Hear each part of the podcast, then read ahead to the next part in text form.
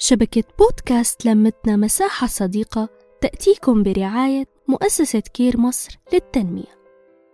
نسيج حكاية اليوم فيه أكتر من لون وكل لون له قصة وحكاية بتكمل بعضها وبتعبر عن شخصية كل حدا منا مجموعين بلوحة عملت تناغم ولا أحلى.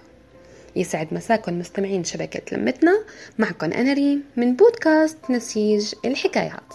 كان يا مكان بقديم الزمان لسالف العصر والأوان لحتى كان. كان في رجال على باب الله بيشتغل كل يوم بيومه وشغله نوعا ما متعب وشاق. مرة من الأيام رجع على البيت وكانت مرته محضرت له الأكل وعم تستنى ليتغدوا سوا.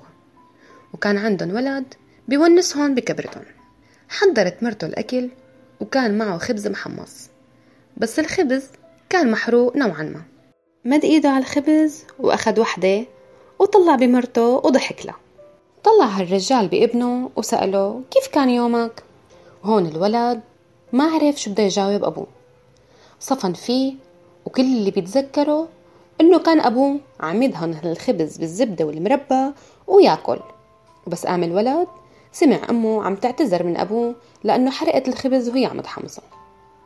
بس يلي ما بينسى إنه هداك اليوم بشو جاوب أبوه أمه. وهون الرجال جاوب مرته إنه ما تاكلي هم حبيبتي أنا أصلا بحب طعمة الخبزة محروقة شوي. وين المشكلة بتصير؟ وأنا بحبه يكون طعمه ملدوع زيادة عن اللزوم. لما سمع هالولد هالكلمتين راح لعند أبوه. وبباله سؤال واحد لازم يعرف إجابته واللي هو بابا أنت عن جد بتحب طعمة الخبز المحروق؟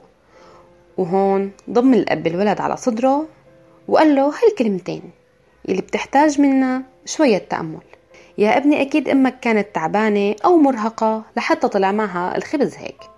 وقطعة الخبز المحروقة اللي أكلتها ما حضرني حتى موت. الحياة كلها شغلات ناقصة وما في شي كامل وما فيه ولا عيب. لازم نتعلم كيف نتقبل بعض ونقبل النقص ببعض. هالأشياء بتخلينا نقبل عيوب الآخرين.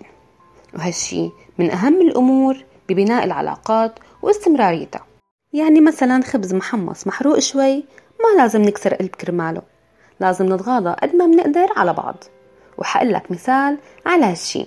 هلأ الشجرة لو اجتها ريح قوية وراقة والثمر اللي فيها مو كله بهر تماما هيك الشخص.